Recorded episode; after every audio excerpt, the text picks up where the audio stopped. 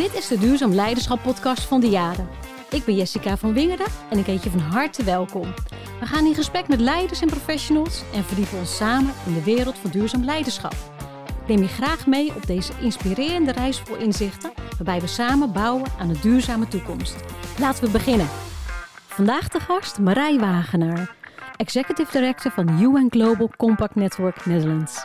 Marij, van harte welkom bij de podcast Duurzaam Leiderschap. Fijn dat je er bent. Dank je. Ik vind het ook erg leuk om hier te zijn. Mooi. Ik start de podcast altijd maar gewoon met een persoonlijke vraag. Eh, want we hebben het over duurzaam leiderschap, maar het gaat ook vaak over persoonlijk leiderschap. De eerste vraag is voor jou: wat is duurzaamheid voor jou? Ja, dat vind ik een hele moeilijke. Toen je zei van, goh, kom je praten over duurzaam leiderschap, dacht ik al, oh, en wat is dan duurzaam? Als ik dat doe volgens UN Global Compact, die hebben eigenlijk drie poten. Milieu, eh, sociaal en, en governance, eh, bestuurlijk. Um, maar ik denk dat het eigenlijk veel meer gaat over uh, ook volhouden. Ja. een stip op de horizon zetten. Um, wat willen bereiken en daar ook gewoon stapje voor stapje naartoe werken. En dat is volgens mij waar duurzaamheid, duurzaam leiderschap echt om gaat. Mooi. Nou ben je recent gestart in een nieuwe rol als Executive Director bij de UN Global Compact Network Nederland. Kun je ons wat meer vertellen daarover? Um, ja, uh, het is eigenlijk een, um, een netwerk wereldwijd. Ja. Uh, op dit moment 2300, 23.000 bedrijven wereldwijd Zo. die gezegd hebben van nou wij ondersteunen de waarden van de Verenigde Naties en wij willen werken aan duurzaamheid. Ja. Sustainable Development Goals worden die dan genoemd. Um, een Nederlands netwerk uh, bestaat uit ongeveer 300 deelnemers. Um, en wat ze eigenlijk doen is uh, inspireren, verbinden en zichtbaar maken wat voor goede dingen er gebeuren. Wat mooi. En je bent recent in die nieuwe rol. En wat betekent dat? Wat, wat heb jij te doen eigenlijk? Waar heb je ja tegen gezegd, tegen die nieuwe baan? Wat is je opdracht? Nou, dat, dat vraag ik me ook wel eens af. Nee, nee ik, ik vind het echt waanzinnig uh, wat er gebeurt wereldwijd. En ja. om dat ook te vertalen naar Nederland. Dus wat, mijn, wat mij gevraagd is te doen, is uh, bouwen het Nederlandse netwerk verder uit. Uh, tot 1 januari waren we onderdeel van de, van de werkne- werkgevers, zeg maar, VNO, ja. NCW en MKB Nederland. Zaten in de, of zitten nog steeds in de Mali-toren. Maar vanaf 1 januari hebben we gezegd van nee, we willen echt een zelfstandige organisatie zijn. Vanaf dat moment mogen we ook het UN-label uh, dragen, dus als onderdeel van de Verenigde Naties. En mij is gevraagd van, nou, zet dat organisatorisch neer, maar ook on, uh, inhoudelijk. En uh, ja, vergroot de impact van dat netwerk. Dat klinkt als een hele grote opdracht. Ja, dat gevoel heb ik ook wel een beetje. Maar we doen er stapje voor stapje. En net wat ik zei, stip ja. op de horizon en we gaan daar wel komen. En dat vraagt natuurlijk ook een enorm uh, netwerk. Want heb je hiervoor ook in een dergelijke rol met zo'n opdracht gezeten, Marij? Of? Nee, in een heel andere rol. Ja. Uh, maar wel heel erg gelieerd eraan. Dus hiervoor was ik plaatsvangend directeur internationaal ondernemen bij Buitenlandse Zaken. Ja. Um, en daarmee werkt we natuurlijk heel veel samen, publiek-privaat, met uh, bedrijven die uh, over de grens uh, stappen zetten. Ja. En die dat eigenlijk, de, de kerncompetenties van Nederland zitten ook heel erg op die SDG's. Dus we zeiden ook altijd wel, je kan ook verdienen met SDG's. Het is niet altijd de kostenpost. Juist de bedrijven die zeggen van, nou, wat is er nodig op het gebied van ontwikkeling? Energie, water, circulair, uh, de, de, medisch, gezondheidszorg. Dat zijn allemaal sectoren waar ook gewoon geld aan te verdienen valt. Maar doe dat op een hele um, ja, een duurzame manier. Ja, dus wel met elkaar misschien wel de dubbele winst pakken. Dus ja. uh, letterlijk eigenlijk goede gezondheidszorg, maar wel zonder of met een minder negatieve impact op milieu bijvoorbeeld. Ja, klopt. En überhaupt misschien op dat thema het überhaupt mogelijk maken dat het er nog is voor iedereen. Ja, He? nou ik denk dat dat voor, en jij zegt nou nog is voor iedereen. Dat geldt voor sommige delen van de wereld. Ja. En aan sommige delen van de wereld dat het er überhaupt komt. Ja. Uh, want helaas is dat gewoon nog niet overal nee. zo. Nee, dichter bij huis hebben we meer problemen. We zien de vergrijzing en we worden met z'n allen ouder. Hè? En nou ja, het aantal professionals wat beschikbaar is, is minder. Maar inderdaad, terecht wat je zegt, als we buiten de grens van Nederland kijken, is het natuurlijk een hele andere, andere situatie. Wel mooi dat je die ervaring eigenlijk ook met dat netwerk en het stukje ondernemerschap en bedrijf, want dat is natuurlijk ook heel duidelijk de link als het gaat over bedrijvennetwerk, wat de UN Global ja. Compact natuurlijk ook uh, laat zien. Hey, je vertelde net al over de 300 organisaties die aangesloten zijn in Nederland.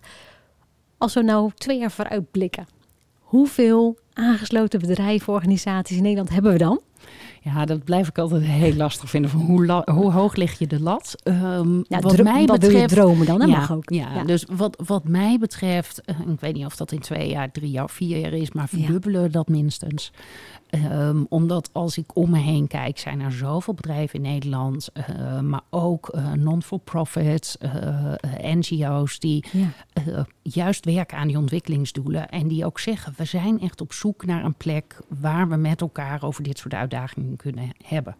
Want ik denk dat dat wel belangrijk is. Wij zijn een organisatie voor alle bedrijven die ambities hebben op dat vlak. Het is niet een soort maatlat van, nou je moet door deze hoepel springen en dan mag je lid worden. Mhm. Natuurlijk, je, je, moet een soort basis aan een basis voldoen.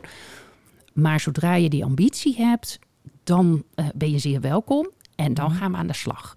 In de vorm van uh, uh, een academy, waar met e-learning modules gewerkt kan worden. Maar ook heel erg met elkaar opzoeken. Ja. Uh, een versnellingsprogramma, accelerators noemen we dat, op bepaalde onderwerpen waar je met uh, collega's uit andere bedrijven praat over, oké, en hoe doe ik dat nou concreet? Hoe, waar loop ik nou tegenaan? Maar ook hoe doe ik dat nou praktisch? Hoe doe ik dat op het gebied van klimaat? Uh, hoe doe ik dat met regelgeving die op me afkomt? Maar ook hoe zorg ik nou dat we verder kijken dan de regelgeving? Dat we ambitieuzer blijven. Het is heel mooi wat we bereikt hebben nu, maar hoe zorgen we dat dat vuur brandend blijft en dat we er gewoon nog een tandje bij doen? Mooi, nou um, zijn we als Diade vorig jaar uh, partner geworden. En uh, wat ik zelf heel mooi vind is de tien principes. Hè, dat je ook vraagt aan een organisatie, als je instapt, je hoeft inderdaad geen tien te zijn. Hè, want ja. bedoel, uiteindelijk is het veel belangrijker dat je ervoor kiest dat je wil werken aan het thema duurzaamheid en dat je op de gebieden die voor jouw organisatie relevant zijn, dat je stappen voorwaarts maakt. Kun jij iets meer over die tien principes vertellen, Marij? Ja, ik denk die tien principes zijn echt soort waarden waaruit je, waaruit je werkt. Uh, en daarbij, ik, ik vind het altijd heel mooi om dat zelfs nog te vertalen naar de vier kernwaarden die er zijn. Ik denk altijd less is more. Ja. Uh, waar je zegt van nou, op het gebied van uh, human rights, dus mensenrechten, um, hoe ga je daarmee om in je bedrijf? nou, dat is in Nederland vaak wel goed geborgd. Maar ook daar, hè, de, de kansenongelijkheid ja. is iets wat je gewoon meer en meer ziet. Nou, hoe zorg je nou dat je daar ook actief bezig bent? Over de grens in je, in je keten, supply chain, zoals dat al zo mooi gezegd wordt, speelt dat natuurlijk nog veel meer. Weet wat je koopt. Eh, dat is het, een van die pilaren. De andere uh, die zit op het gebied van milieu. Uh, vind ik ook een hele belangrijke anticorruptie. Ja. Uh, vinden we eigenlijk vanzelfsprekend. Maar in heel veel landen is dat nog niet zo vanzelfsprekend. Uh, dus dat is ook een, een hele mooie. Uh, en zelf licht ik er altijd nog extra uit, dus de sociale component, maar bijvoorbeeld ook gender equality, inclusie, diversiteit. Ik denk dat dat echt ook voor de huidige tijd een, een, een hele belangrijke uitdaging is. Mooi dat je het ook benoemt, uh, maar want ook als je kijkt, je noemt ook een mooi voorbeeld over de mensenrechten we zijn heel erg geneigd om dan heel erg te denken aan heel ver weg. Hè. Bijvoorbeeld uh, wie produceert onze kleding bijvoorbeeld. Hè. Dan hebben we wel beelden bij en uh, ook wel waar het fout is gegaan. Dan komt dat vaak bij mensen als eerste voor het oog. Maar ik denk ook maar gelijk altijd even naar bouw en techniek. Waar we met elkaar ook gewoon arbeidsmigranten naar Nederland halen. Waarbij de arbeidsomstandigheden, de manier waarop mensen buiten het werk om moeten leven, nou niet altijd echt het voorbeeld is van wat we zouden willen zijn, denk ik. Uh, ja. Ja. Nee, dat, dat herken ik heel erg. En ik, nou, zelf woon ik in, eh, in Den Haag en daar uh, heb je het Westland heel dichtbij. Nou, als je kijkt wat daar gebeurt met inhuren van migranten, Polen, mensen uit Oost-Europa die daar aan het werk worden gezet en in coronatijd in één keer geen maan hadden, maar ook in één keer geen huisvesting hadden. Ja. Um, ik ben heel blij dat dat wel steeds meer uh, aandacht krijgt en dat we ons steeds meer beseffen van dat is niet iets wat vanzelfsprekend is hier. En gelukkig zijn er ook een heel aantal bedrijven die zeggen van hé, hey, maar dat accepteren we niet. Zo willen we niet met mensen omgaan. Uh, wij gaan dat op een andere manier doen. Um, en daar ben ik heel blij om. En dat start dan eigenlijk ook bij de afnemers, denk ik, hè? Uh, ja, ik denk dat je als, als consument, als afnemer, veel meer invloed kan hebben dan mensen zich nu van bewust zijn. Dus het echt nadenken over sustainable supply chain, zoals dat zo mooi in het Engels heet. Dus de duurzaamheid van je keten, van wat koop je in. Uh, sustainable procurement wordt dan ook gezegd, hè, duurzame inkoop. Ja. Ehm, eh, onlangs is er een heel mooi manifest gelanceerd, uh, eerst door de overheid, maar nu ook door bedrijfsleven om aandacht te vragen voor duurzaam inkopen. Want als we die geldstromen inzetten op een duurzame manier, kan je al zoveel stappen maken. Ja, heel mooi. Nou, je noemde ook net een heel mooi thema als het gaat over diversiteit, inclusie en gelijke kansen. Ook daarbij zeg je, ja, dat is echt wel een thema van nu. Kun je daar iets op meer op toelichten? Hoe dat voor jou zichtbaar wordt? Ja, nou, ik denk er eigenlijk op twee manieren. Eén is, ehm, als je het hebt over gendergelijkheid. Ja. Uh, dat is wel zo'n onderwerp wat mij ook wel persoonlijk raakt. Dat ik denk van, hé, hey, maar hoe, hoe lang zijn we hier eigenlijk al mee bezig? Ja. En toen ik hier begon in deze functie, gaf een van mijn mensen zag ik een studie. En daar stond in dat het 263 jaar duurt, als we in het huidige tempo doorgaan, voordat we gendergelijkheid hebben bedacht. Dat is al heel lang. Nou, daar schrok ik erg van. Want ik dacht, hè, maar we zijn al zo lang bezig. En het schiet dus kennelijk niet op. En sterker nog, in coronatijd zijn er een flink aantal jaren bijgekomen. Want uh, er wordt minder, de merendeel van de ontslagen waren juist vrouw. Ja. Uh, er is minder onderwijs voor vrouwen. Er is, dus er, er is een hele optelsom, waardoor we weer een heel aantal jaren erbij hebben gekregen. Nou, dat is nog maar het begin. Want wat we nu zien, het gaat niet alleen over gelijkheid bij vrouwen. Je ziet het ook, eh, diversiteit en inclusie. Wij zijn een land met alle achtergronden, culturele achtergronden, uh, seksuele achtergronden. Je, je hebt een, een scala aan identiteiten. En om dat echt in een organisatie tot bloei te laten komen, dat vraagt ook een andere organisatie, ander leiderschap, om mensen echt zichzelf te kunnen laten zijn. Want ik denk dat dat de afgelopen jaren uh, nou echt onderge, ondergesneeuwd. Men wil zich heel graag aanpassen aan de norm. Terwijl je als organisatie er veruit de meeste aan heeft. Als iedereen uh, zichzelf kan zijn en vanuit daaruit kan bijdragen aan het, aan het doel. Het klinkt als een heel erg wenkend perspectief. En ik hoop toch echt niet dat uh, vrouwen nog meer dan 260 jaar moeten wachten voordat ze uiteindelijk hè, allemaal gelijk. Maar het is een terecht punt, want uh, wat natuurlijk op een gegeven moment vorig jaar en het jaar ervoor speelt ook al rondom dat vrouwenquotum. We hebben best wel veel discussie gehad. Mensen zeiden ja, moet niet gekke worden, gaan we met elkaar bepalen dat zoveel procent in de boord, in de raad van commissarissen vrouwen uh, moeten zijn. Hoe kijk je daar tegenaan, Marij, over die, dat soort keuzes? Nou, ik ben, ik ben er groot voorstander van. Ja? Het, het, ik, ik moet ook zeggen, net als bij veel mensen heeft dat bij mij ook even geduurd voordat ik daaraan weer, uh, kon wennen. Ja. Ik ben van huis uit chemisch technoloog, dus ik ben ik heb altijd, de eerste jaren van mijn carrière, altijd met mannen gewerkt. Ja. En ik vond dat zo flauwkul dat er iets apart voor vrouwen zou moeten zijn.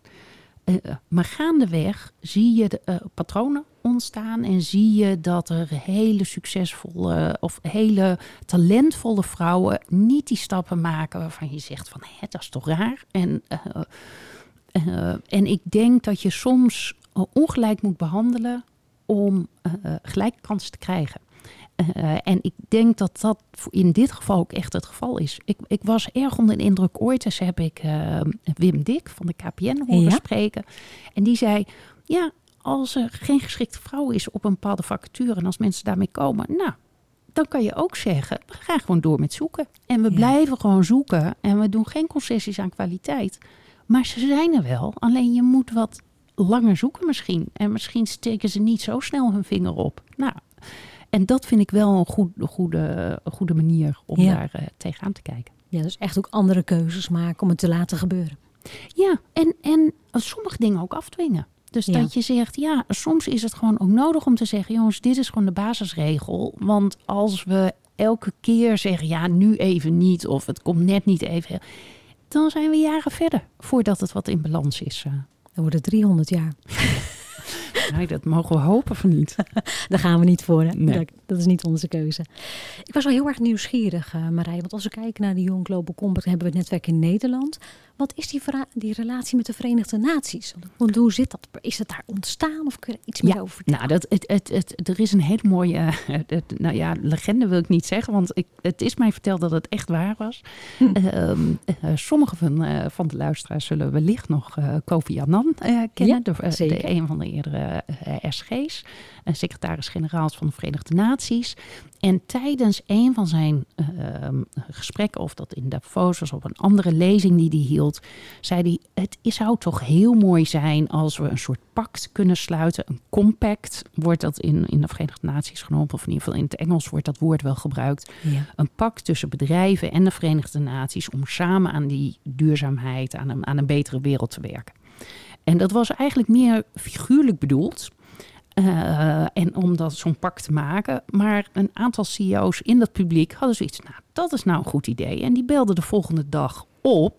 En die zeiden: waar kunnen we dan tekenen? Want dat willen we graag. Ja, toen was er enige paniek van: oh, dan moeten we dus ook echt een organisatie gaan maken waar dat kan. En, en hoe doen we dat dan? Geweldig. En dat schijnt de, de, de eerste stappen te zijn geweest.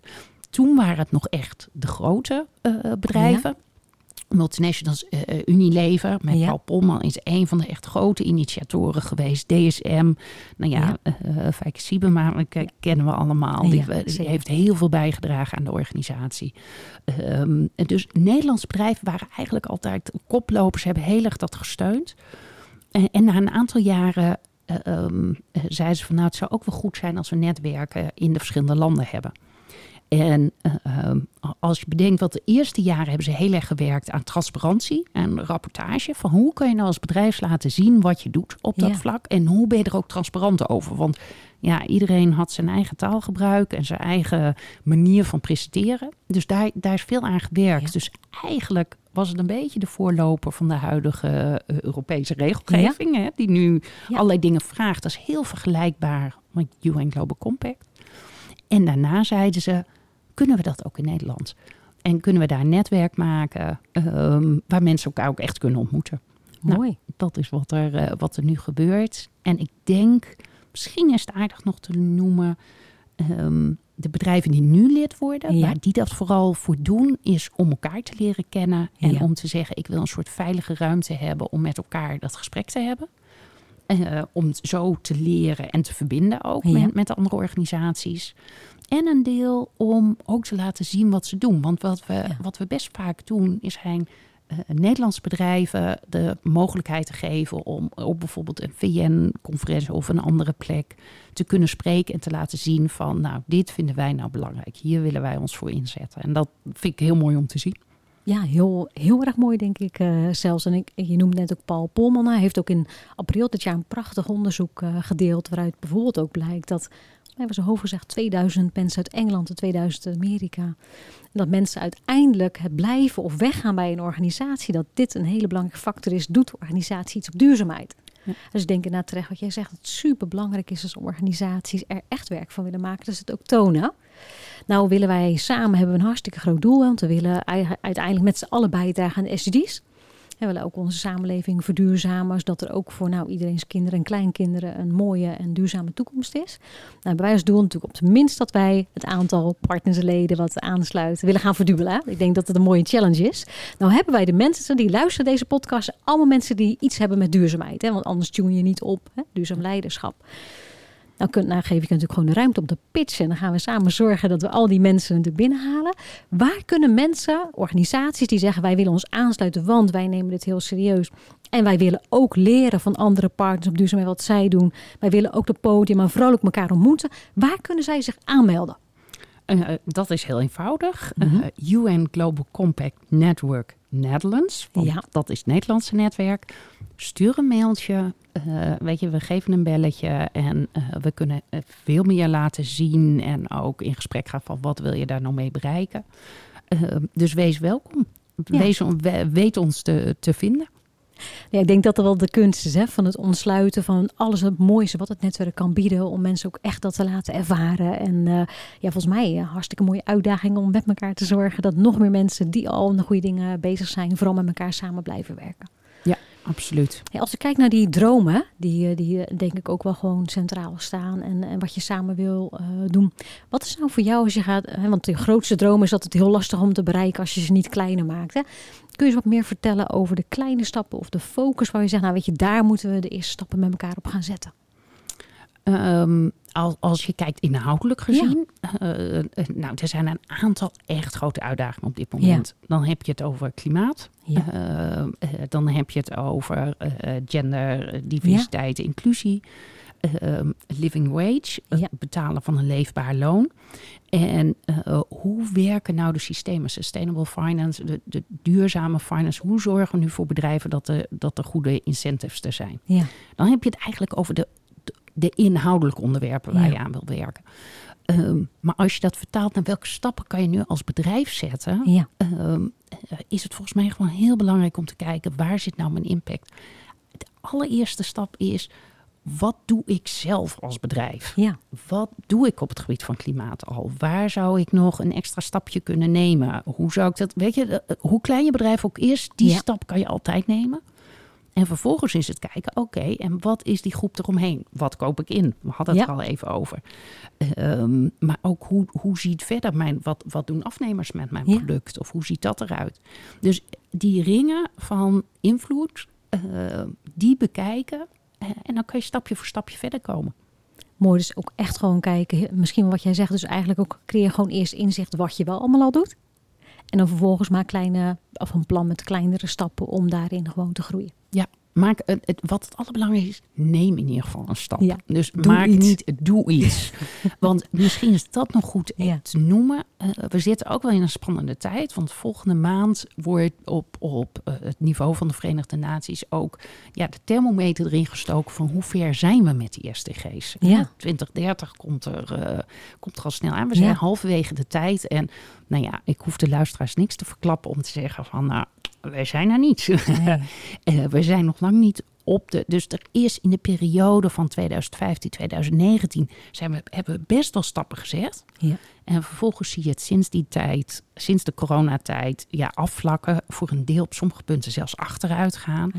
En is het echt nodig, als, als we met elkaar die klimaatverandering tegen willen gaan. Nou ja, we hebben deze zomer gezien, uh, de weerextremen over de hele wereld, worden, dat wordt steeds groter. Dus we moeten iets. Ja. Ehm, eh, als we stappen willen zetten, biodiversiteit, gezondheidszorg, armoedebestrijding, uh, gendergelijkheid, dan moet er echt een tandje bij. Ja. En dat gaat volgens mij de grote boodschap voor de komende periode worden. Hoe gaan we dat doen? Ja. en dan terug bij jou. Begin maar eerst met kleine stappen. Ja. Wat, ik een, wat ik een mooie uit, uh, uitspraak vind is... Uh, um, je, je onderschat of je overschat wat je in een dag kan doen, ja. maar je overschat wat je in een jaar kan doen. Nou, dat kan je ook op duurzaamheid toepassen. En dan, dan moet je misschien zeggen, je onderschat of je overschat wat je in een jaar kan doen en je onderschat wat je in vijf jaar kan doen. Maar ik denk wel dat als we met elkaar uh, de drive hebben om die stappen te zetten, dat we daar uh, heel ver kunnen komen. Ik, ben, ik kijk wel uit naar dat rapport, maar tegelijkertijd die thermometer zal denk ik eerlijk gezegd ook een pijnlijke spiegel zijn. wat je zegt terecht, nou, iedereen heeft het weer gezien eigenlijk in de berichten de afgelopen tijd geeft nou niet echt het signaal dat we helemaal op de planning lopen voor de SDG's. Dus ik denk wel echt een oproep met elkaar om ook gewoon echt werk te maken. En nou ja, van praten en ideeën en plannen naar de concreet ook echt te doen. En terecht wat je zegt, liever kleine, kleine stappen met heel veel mensen dan uh, grote dromen die niet meer van papier komen, zou ik maar zeggen. Ja. Hey, ik, uh, ik, vroeg me af, want je hebt een heel groot netwerk bij bedrijven, maar ook zeker bij de, bij de overheid. Hoe kijk je naar de rol van zowel overheid, bedrijven, maar ook het onderwijs bijvoorbeeld als het gaat over het realiseren van de duurzaamheidsdoelstellingen? Ja, ik denk dat die echt hand in hand moeten gaan. Maar dat, dat geldt zelfs nog voor meer partijen eromheen. Of je het hebt over NGO's en, en wetenschap bijvoorbeeld. Uh, maar als je specifiek vraagt uh, om onderwijs, bedrijven, overheid. Ja. Uh, onderwijs is voor mij echt de kern of het hart waar dingen starten. Ik bedoel, je bent zo bezig met het vormen van de nieuwe generatie. En de problemen waar we het over hebben, zijn de problemen van de volgende generatie. Dus om met hen dat traject te starten, ik denk dat onderwijs een, een hele belangrijke rol daarin speelt. Uh, en dan als je kijkt naar de driehoek uh, bedrijven, uh, overheid, ja, hoe linkt dat dan met elkaar? Want de, de kinderen, studenten van nu zijn de werknemers van de toekomst, zijn de consumenten van de toekomst, zijn de burgers van de toekomst, zijn de mensen van de toekomst. Ja. Dus die, uh, daar, daarmee moet je eigenlijk de eerste stappen zetten, die moet je consulteren. En volgens mij, bedrijven kunnen op verschillende manieren uh, kijken, samenwerken. Uh, ik denk het meest concreet, als we het hebben weer over kleine stappen verstrek meer stages. Zorg dat iedereen een stage kan lopen, ongeacht wat je achtergrond is, wat je precies meebrengt. Ja. Zorg dat daar meer ruimte voor is. Ik vind het schitterend wat jong professionals doen. Mensen die net beginnen met werken. Je ziet dat leiderschap niet meer is soort top-down. De grote leider zet de lijnen uit en de rest van de organisatie volgt. Maar er zit veel meer initiatief bij jong professionals. Ja dat is ook deels door onderwijs meegegeven. Dus dat vind ik heel hoopvol. En de link naar overheid. Ja, overheid, wat voor mij is altijd de combinatie van regelgeving, stok achter de deur, zorgen dat we uh, zeg maar met elkaar de norm bepalen van nou, dit, dit willen we met elkaar. Maar ook de prikkelende, stimulerende uh, partij die zegt oké, dit is de basis, maar we willen veel hoger springen. Nou, wat, kunnen, wat kan de overheid doen om te helpen? Bedrijven helpen, scholen helpen om, om die uitdaging ook aan te pakken. Nou uh, zie je vaak dat wet en regelgeving heel erg nodig is om ook soms ook gewoon dingen te stoppen. Als het gaat over of nou is vervuiling hè, of uitbuiting of andere zaken. Ja, dan helpt het als iets gewoon bij wet verboden is. Want ja, dan heb je geen andere keus meer. Om wat voor onderwerpen vind je dat we uiteindelijk meer wet en regelgeving nodig hebben? Vooral als het gaat over dingen die mensen schaden.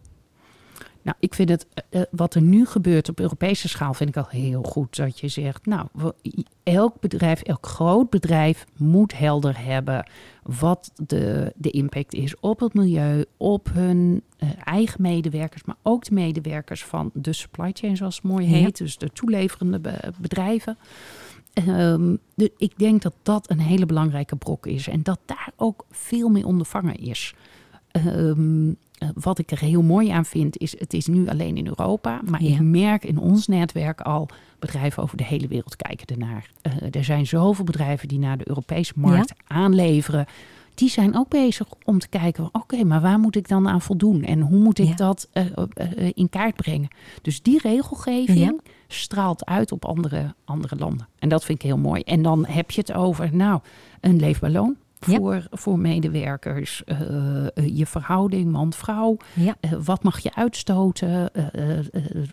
drinkwater, waterkwaliteit. Nou, eigenlijk allemaal hele belangrijke onderwerpen. Mooi. En leuk om te horen en goed om te horen dat inderdaad misschien wel partners uit Amerika naar ons kijken van wat doet Europa dan als het gaat over die wet en regelgeving.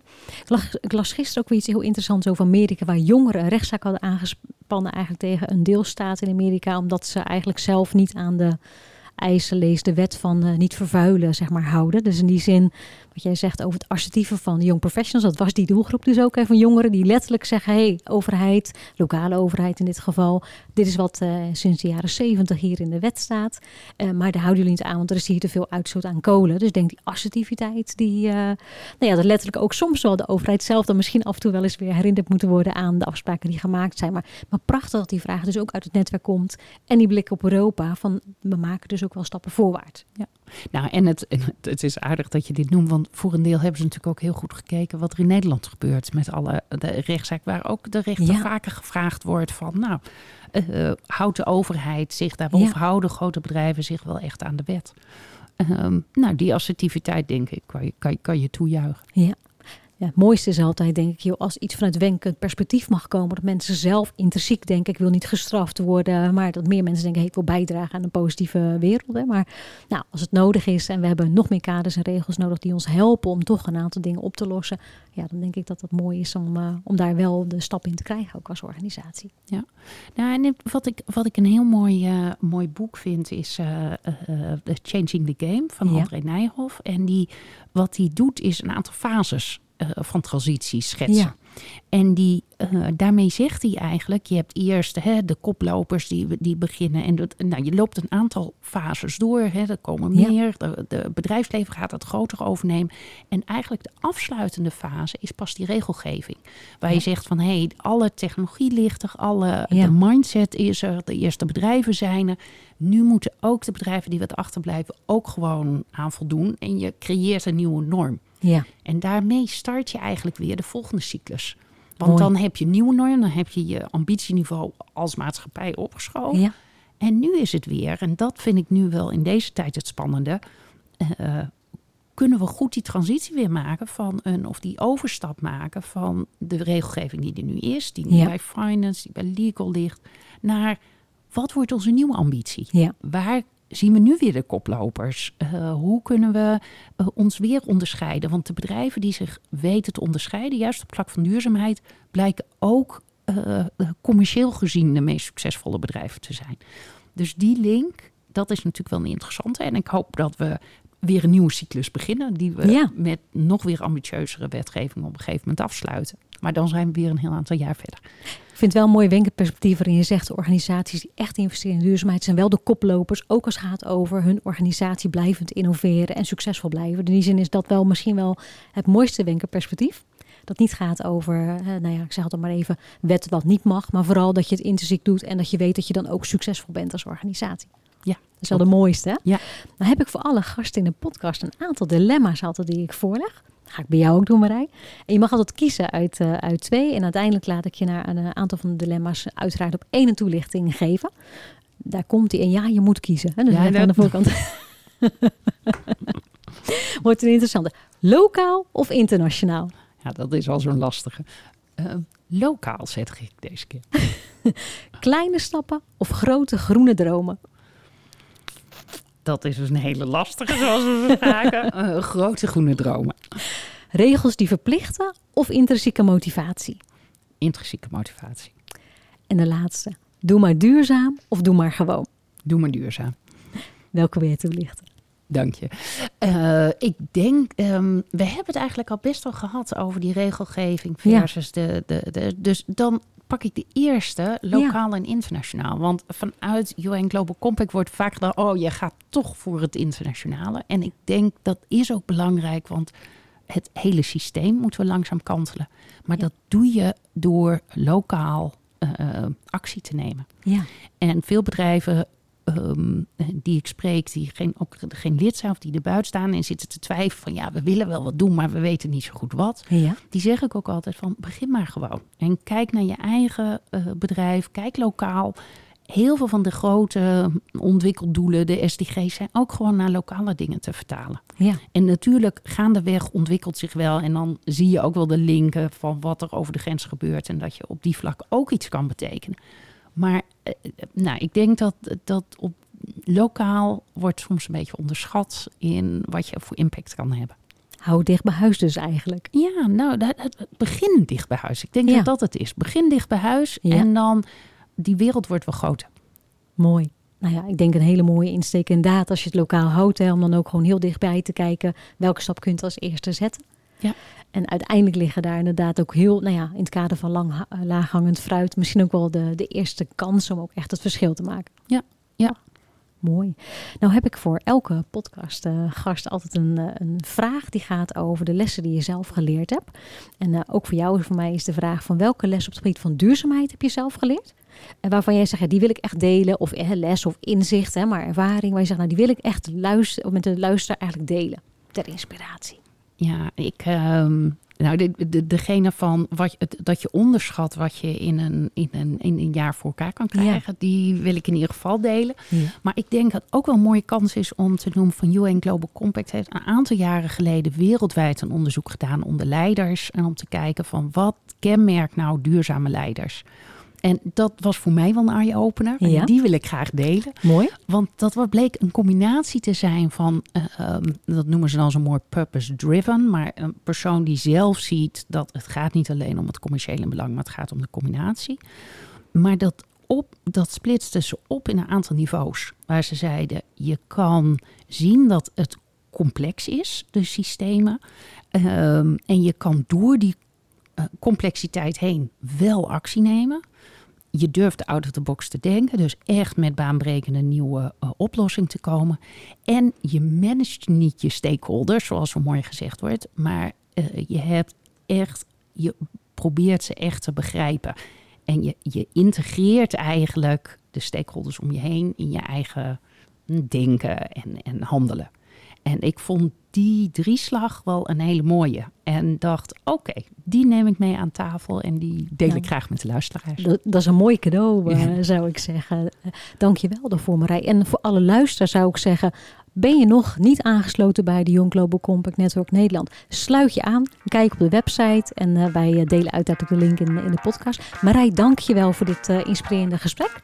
Dankjewel. Het was genoegen hier te zijn. Mooi, dank. Dit was een podcast van Diade.